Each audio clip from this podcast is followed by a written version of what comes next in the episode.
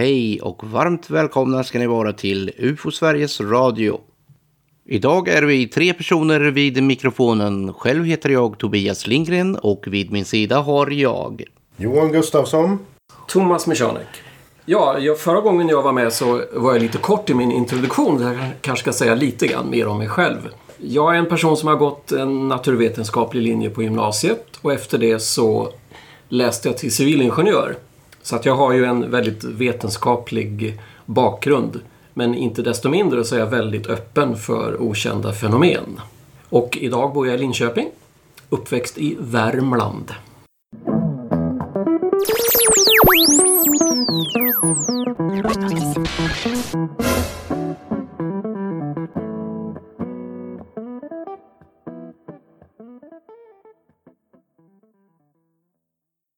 Vi kan väl kalla avsnittet för villfarelser.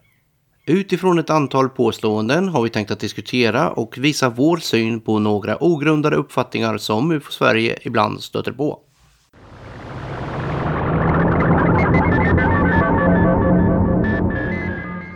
Regeringen och försvaret och myndigheter vet ju allt redan men vi får minsann inte veta någonting.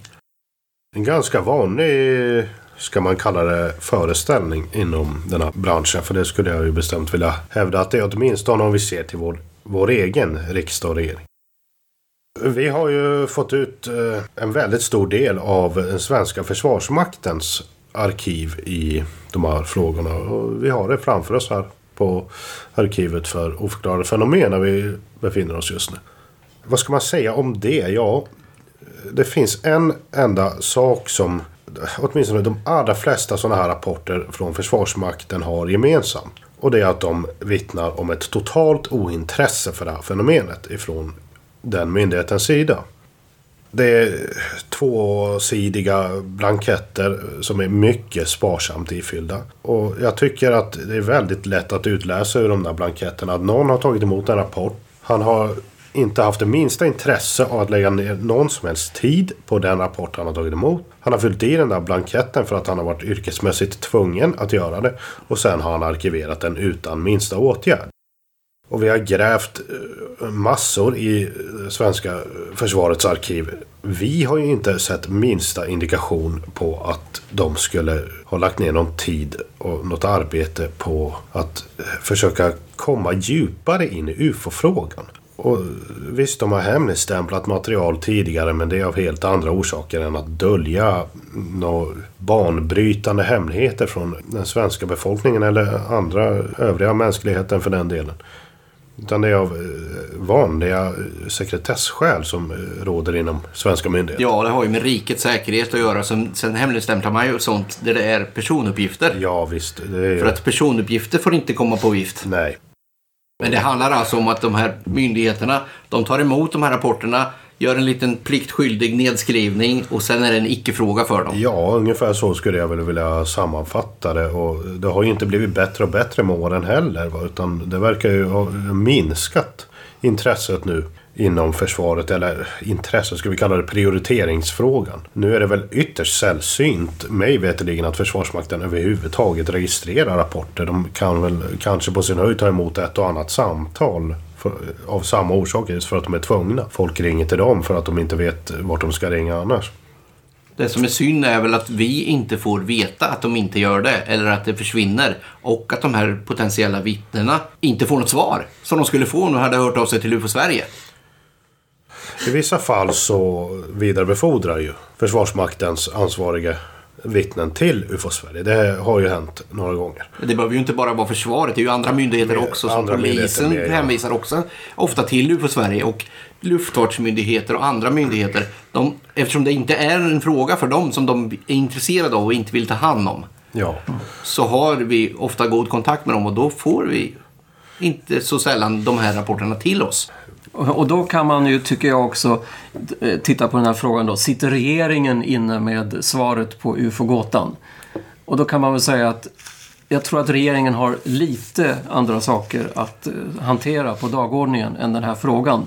Ja. Eh, Att regeringen skulle sitta inne med svaret på UFO-frågan när inte polisen och militären gör det. Det är ju väldigt, väldigt konstigt att tänka sig. Men är det inte så att, det, att de här höjdarna pyser ut lite pö om pö sådär, så vi får lite information. Så att vi ska bli vana vid den här uppfattningen. Det är ju också en tanke som ofta man hör. Att nu har den här det kan vara en, en film, en, en långfilm, alltså en, en biofilm som släpps ut om, som handlar om aliens på något sätt. Ja, det är myndigheterna som har tagit fram den här filmen för att vi ska vänja oss. Har man den åsikten så får man ha det, men då måste man i så fall grunda den på något. Och det tror jag vi alla kan vara överens om att Hollywood har nog andra saker som prioriterar deras släpp av filmer än hemlighetsmakeri.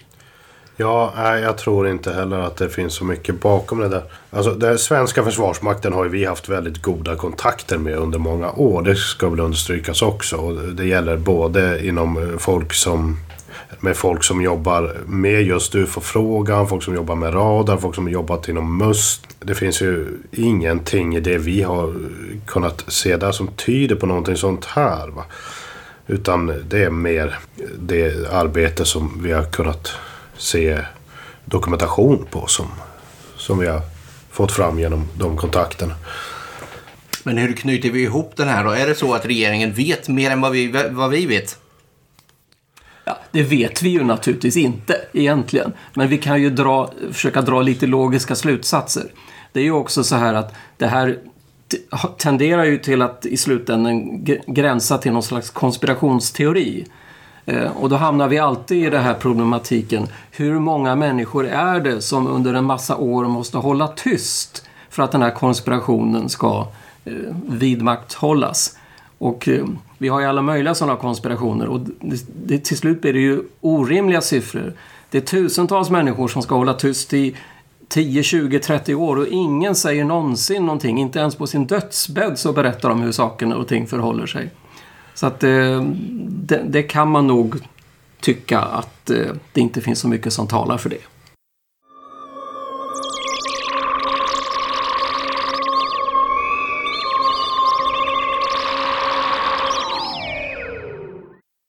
Varför inte hypnotisera alla ufo-vittnen så att vi får veta sanningen? Det är ganska många som tycker att man ska göra det. Just sätta folk under hypnos. Om vi börjar med varför har folk satt vittnen under hypnos överhuvudtaget. Det är ju så då att folk är med om saker och ting. De ser ett föremål, fenomen och så är klockan fem och så är de ute och åker på en eh, avlägsen eh, väg någonstans. Så ser de det här föremålet hänga över bilen och så säger det blipp och så är plötsligt föremålet borta klockan åtta på kvällen. Så att eh, man har en tidsförlust där.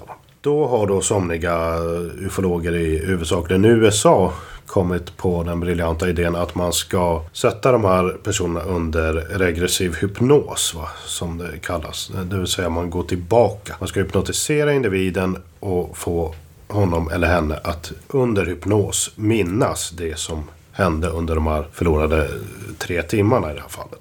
Det gör ju inte vi här i Sverige. Jag känner till ett svenskt fall där man har använt sig av hypnos. Det är det så kallade Hägerfallet nere i Vallentuna på 70-talet. Annars så har vi aldrig använt oss av hypnos här i Sverige. Men i USA och i Latinamerika har man gjort det och jag vill minnas att man har gjort det i Storbritannien också vid flertal tillfällen. Trots att deras rapportansvarige Jenny Randalls vid ett tillfälle mer eller mindre bannlyste hypnosmodellen från allt vad utredningar heter i hela Storbritannien, åtminstone under Buforas arbete. Det är ju så att hypnosen är ju inget sanningsserum. Hypnos är ett eh, högst omdiskuterat och kontroversiellt verktyg. Vi, vi, kan ju säga att vi är naturligtvis inte experter på ämnet i sig. Men vi har, eh, har, ju ändå läst oss så pass mycket på ämnet att man, vi vet ju att det är så att det är lätt att under hypnos påverka ett vittne. Eller den som man hypnotiserar. Eh, så att de kommer in på egna tankegångar och man helt enkelt styr vittnet genom att ställa frågor och liknande som gör att eh, andra eh, effekter tar över i det mänskliga psyket och det är som, som Johan säger inte sanningen nödvändigtvis som kommer fram. Och det är väl inte heller de här partytricken som vi brukar se på TV när vi snackar hypnosar? Nej, absolut inte. De som använder sådana, använder, det är en helt annan form av hypnos. Det är inte den här regressiva hypnosen. Ja, vad säger du Johan? Du har någon studie framför dig? Ja, jag tänkte bara understryka det som Thomas var inne på där. Att man har pekat väldigt mycket på just det här med att man leder den som är under hypnos. Och man styr in personen på rätt riktning. Ja, det stämmer att jag har plockat fram en kul studie här. Alvin Lawson, amerikansk undersökare, publicerade det här på... En jättebra radio du sitter tyst och läser en bok. Vänta, jag måste se när fan den publiceras. Det där är volym 2, då står det 80. 80? Nej, då är det här 70-tal. Okej, Ja. Okej, vart var jag? Här har du varit hela tiden. Det stämmer ju att eh, det handlar eh, om att eh, man menar att den som utför hypnosen leder och påverkar den som är under hypnos. Och jag har en liten kul studie framför mig här från slutet på 70-talet av en amerikansk undersökare som heter Alvin Lawson. Heter Hypnosis of Imaginary UFO Abductees. Det är ett ganska kul experiment som han gjorde här. För han satte ju då en eh, serie personer under eh, hypnos. Då. Och de här personerna de hade aldrig varit med om någonting som antydde att de skulle ha blivit ombordtagna. De hade aldrig haft den här tidsförlusten. Och det som man skulle testa här var, det var ju för att se hur pass avvikande det blev ifall man verkligen suggererade fram eller försökte suggerera fram ett ombordtagningsscenario hos ett vittne som inte hade blivit ombordtagen. Men resultatet som man då förväntade sig skulle bli negativt det vart ju raka motsatsen. Det vart ganska så positivt. Man tänkte sig att här kommer vi få ett scenario som inte alls liknar det som vi har sett i ombordtagningsfallen. Men det ena fallet efter det andra liknade ett typiskt ombordtagningsscenario ganska så väl. Va? Det var eh, flera sådana här typiska inslag som vi ser i ombordtagningslitteraturen som förekom i i de här fallen så fanns det vissa skillnader också. De var inte helt identiska. Men de visar ju på risken med att använda sig av hypnos. Hur lätt det är att influera och hur lätt det är att framkalla fantasier och sådana där andra eh, psykologiska inslag. va. Så att vi rekommenderar väl inte att man använder sig av den metoden.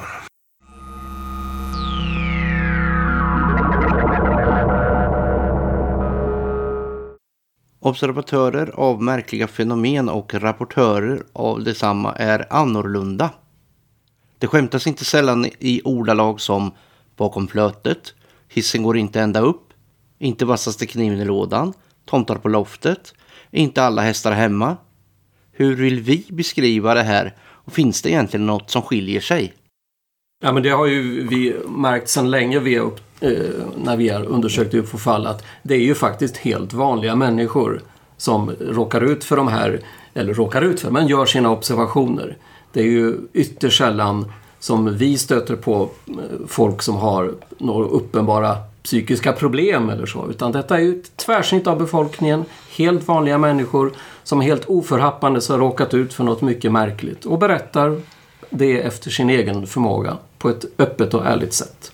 Ja, en del blir ju verkligen drabbade av det här utan att ha bett om det. De tycker till och med att det kan vara jobbigt och så. Ja, det är ju någonting som eh, inträffar som en spontan incident för de allra flesta.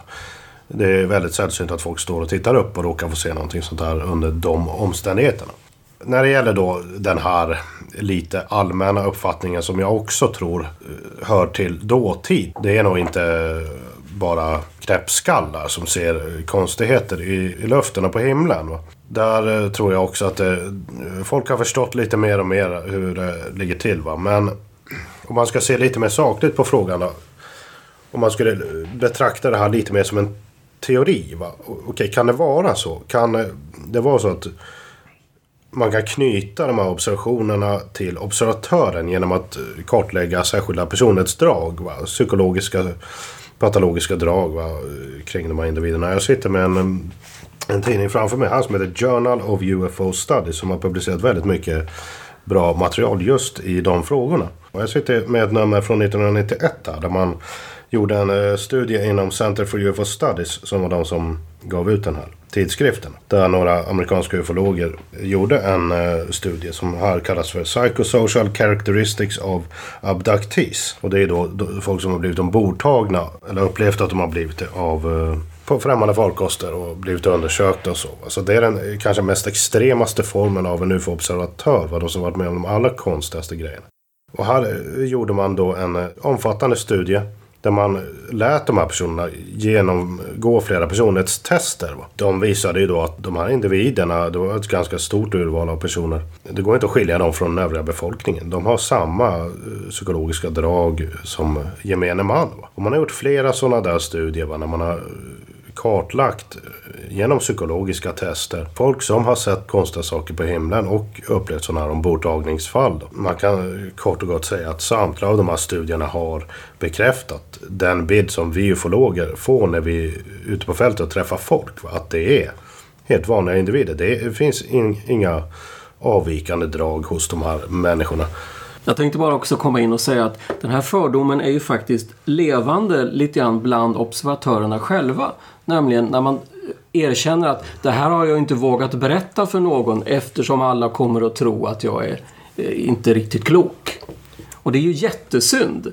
För att det innebär ju att vi har en massa observationer och rapporter som ligger där och skvalpar som vi aldrig får reda på eller får höra talas om 30 år efter de har inträffat till exempel. Så på det sättet lever ju den fördomen fortfarande bland vittnena själva. Det är ju synd. Den skulle vi ja. verkligen vilja ta hål på. Ja, mm. precis. Det är, jag skulle kunna tänka mig nästan att det är vanligare idag. Jag läste ett mejl senast för några timmar sedan. Här, av en kvinna som skrev precis på det viset.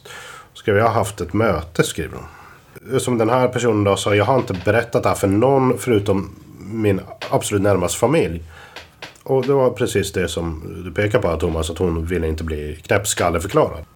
För det kan vi ju konstatera att vi har ju inga sådana fördomar mot de som hör av sig till oss. Vi vill ju veta den här bakomliggande händelsen.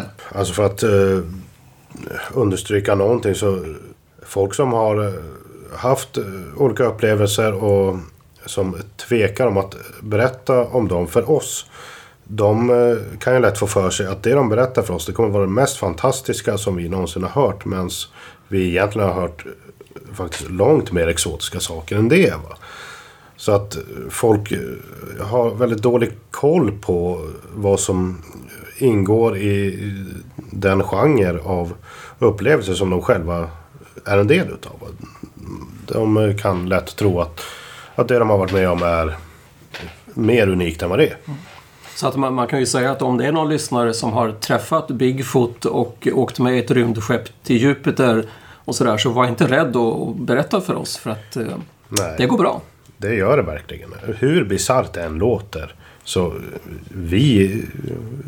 Det blir bara mer och mer intressant för oss. Va? För att vi vill ju dokumentera även det som låter som mest otroligt. Naturligtvis. Varför skulle vi annars ägna oss åt det? Om vi istället vänder på perspektivet och tittar på oss själva, såsom ufo-intresserade och undersökande ufologer? Ja, vad ska man säga? Alltså det är ju en eh, fråga som jag tror att man kan eh, blicka bakåt ganska mycket eh, kring. Eh, jag tror att det hör mest till dåtid att folk fick för sig att eh, folk som engagerar sig i ufo-frågan, undersöker ufo-fenomenet och håller på med sådana här fenomen. Va? Är eh, lite utanför, lite annorlunda, lite stolliga så ja. Eh, jag tror att det har svalnat betydligt mer idag mot hur det var förr. Folk har fått en lite mer mogen syn på hur det förhåller sig i våran bransch. Men eh, ja, vad säger vi som är i branschen? Det är naturligtvis helt felaktigt det är faktiskt så att vi som håller på med de här fenomenen eh, betraktar oss själva och eh, jag vill även påstå att vi betraktas av vår omgivning som helt normala eh, individer, vanliga Svensson-medborgare. Inte konstigare än så. Dessutom så finns det ju ganska så många akademiker och forskare som har varit engagerade i frågan också. Som har hjälpt till att ge ufologin lite mer anseende så bland den, bland den bredare allmänheten. Det finns ju inte så många i Sverige tyvärr, men det finns ganska så många utomlands. Allt från naturvetenskapliga forskare, astronomer och fysiker till eh, mer beteendevetenskapliga forskare som psykologer och psykiatriker. Vad säger du Thomas? Har du stött på det där någon gång? Ja, alltså jag tror ju att det är så här att eh, fenomenet i sig har blivit mer rumsrent med tiden helt enkelt. Att går man tillbaks många år i tiden så var det här lite det var lite flummigt. Vi, man, man brukar ju prata om att man pratade om gröna gubbar från Mars förr i tiden. Det blev, blev ett lite löjets skimmer över frågan. Men idag så har det ju faktiskt kommit fram mycket mer seriösa inställningar till det här i den allmänna debatten och mer, inte minst genom de här nya Pentagon-avslöjandena, har ämnet fått en mer seriositet. Så att det, där är nog en gammal inställning att pyssla med det här, då måste man vara lite knäpp. För vi är ju inte knäppa. Nej, vi tycker väl inte att vi är det riktigt. Um, ja, men jag håller med. Det, det är nog någonting som eh, låg på, vad ska man tro, 50, 60, 70-talet, kanske 80-talet. Jag tror efter det så började det svalna mer och mer och man började se med lite mer eh, öppna ögon på, eh, på folk som var aktiva i branschen och ja, som du säger med mm, avslöjanden om myndigheters engagemang så är det klart att eh, folk kanske tänker om lite grann och förstår lite mer om vad det handlar om. Men summa summarum för oss som är insatta i det här så kan vi ju konstatera att det är en ren och skär fördom och en totalt felaktig sådan. Att få för sig sådana dumheter om folk som engagerar sig i en bransch som är främmande för den som uttalar sig. Det är väl ungefär så jag skulle vilja beskriva det.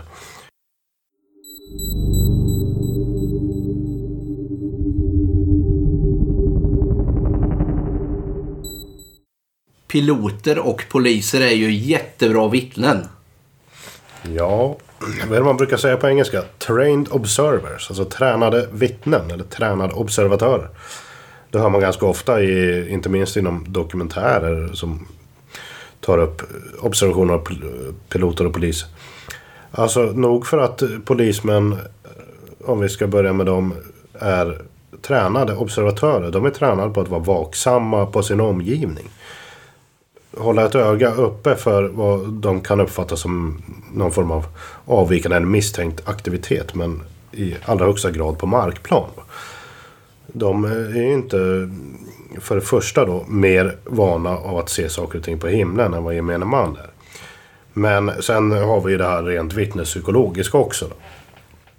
För det är ju faktiskt så att det spelar ingen roll vilken utbildning en människa har, vilken yrkesroll en person har. Vi det får vi ju ofta höra i även andra yrkesgrupper, astronomer och ja. så vidare. Ja. Jo, precis. Det, det, det är ju så här att astronomer och piloter och liknande, de har ju en specialkunskap. En, en pilot kan veta hur andra flygplanstyper ser ut och beter sig. Men det betyder inte att om man får se något helt okänt fenomen att man då plötsligt blir en bättre person på att beskriva just det väldigt märkliga som dyker upp framför dem. Som Johan sa, vittnespsykologiskt är det så att alla människor har samma har ju samma perceptionsförmågor, samma eh, sinnen och gör därigenom samma misstag när man blir utsatt för någonting plötsligt som man inte kan förklara. Ja, alltså det, vi har ju faktiskt en intern process som eh, vi inte kan påverka när vi ser någonting. När vi mottar ett yttre stimulus som det eh, kallas då när vi ser någonting. Då når ju det synintrycket våra ögon och sen så ska det bearbetas i våra hjärnor. Och den bearbetningsprocessen den är ju tyvärr inte felfri. Även om den ofta blir korrekt så kan den bli fel. Och på så vis så kan ju faktiskt ett flygplan omvandlas till en diskusformad farkost. För precis vem som helst. Och det kan hända en pilot också. Det kan hända en polis, det kan hända en astronom. Det kan hända högvakten på slottet. Det, det spelar ingen roll vem man är. För att våra hjärnor funkar precis likadant. Det kan man inte utbilda Och det händer inte oftare för en bilmekaniker eller för en kassörska eller? Nej, det gör det absolut inte. När vi pratar om astronomer eh, så är det ju faktiskt så att eh, det har förekommit flera fall eh, av observationer av märkliga fenomen på himlen där då olika tidningar och nyhetsbyråer har intervjuat och frågat astronomer vad är, det, vad är det som har hänt här? Vad är, det, vad är det folk har sett? Och de har antingen inte kunnat ge ett svar eller gett ett felaktigt svar. Och sedan har vi inom UFO-Sverige faktiskt genom en lite mer noggrann undersökning kommit fram till vad det var för någonting. Så det är faktiskt inte så att astronomer alltid vet sanningen och alltid har den bästa informationen heller. I de här fallen så kan det naturligtvis bero på att astronomen inte själv har eh, trängt in i fallet. Så det är förlåtligt. Men man ska inte tro att en astronom automatiskt med en gång kan förklara allting på himlen. Så är det inte. Vi har ju haft lite diskussioner med astronomer genom åren när det har varit en smärre debatt. Inte minst när det handlar om huruvida det någon har sett har varit antingen en meteor eller en solbelyst K-strimma. Jag skulle vilja påstå att i 100% av fallen så har vi haft rätt. Och när astronomerna då har hävdat att det är någonting annat så har de haft fel. Och det beror ju på att en, en K-strimma är väldigt lätt att skilja ifrån en meteor. Just för att meteoren försvinner så himla fort. Den bara sveper förbi på himlen. Lyckas man ta upp en eh, filmkamera, eller som i ett fall till och med gå in och hämta filmkameran, gå ut, rikta den mot himlen och filma det här föremålet under ett bra tag. Då kan det omöjligt vara en meteor. Ändå så satt då astronomerna där och sa det där är en meteor. De gav med sig till slut. Men det kan bli lite, lite galet så faktiskt. När man frågar folk enbart av deras, med anledning av deras expertis. Nu ska vi inte döma ut äh, de akademiska branscherna här av den orsaken. Det kan bli fel där precis som det kan bli fel överallt annars också. Och jag är övertygad om att de har rätt i många fall när de blir tillfrågade också.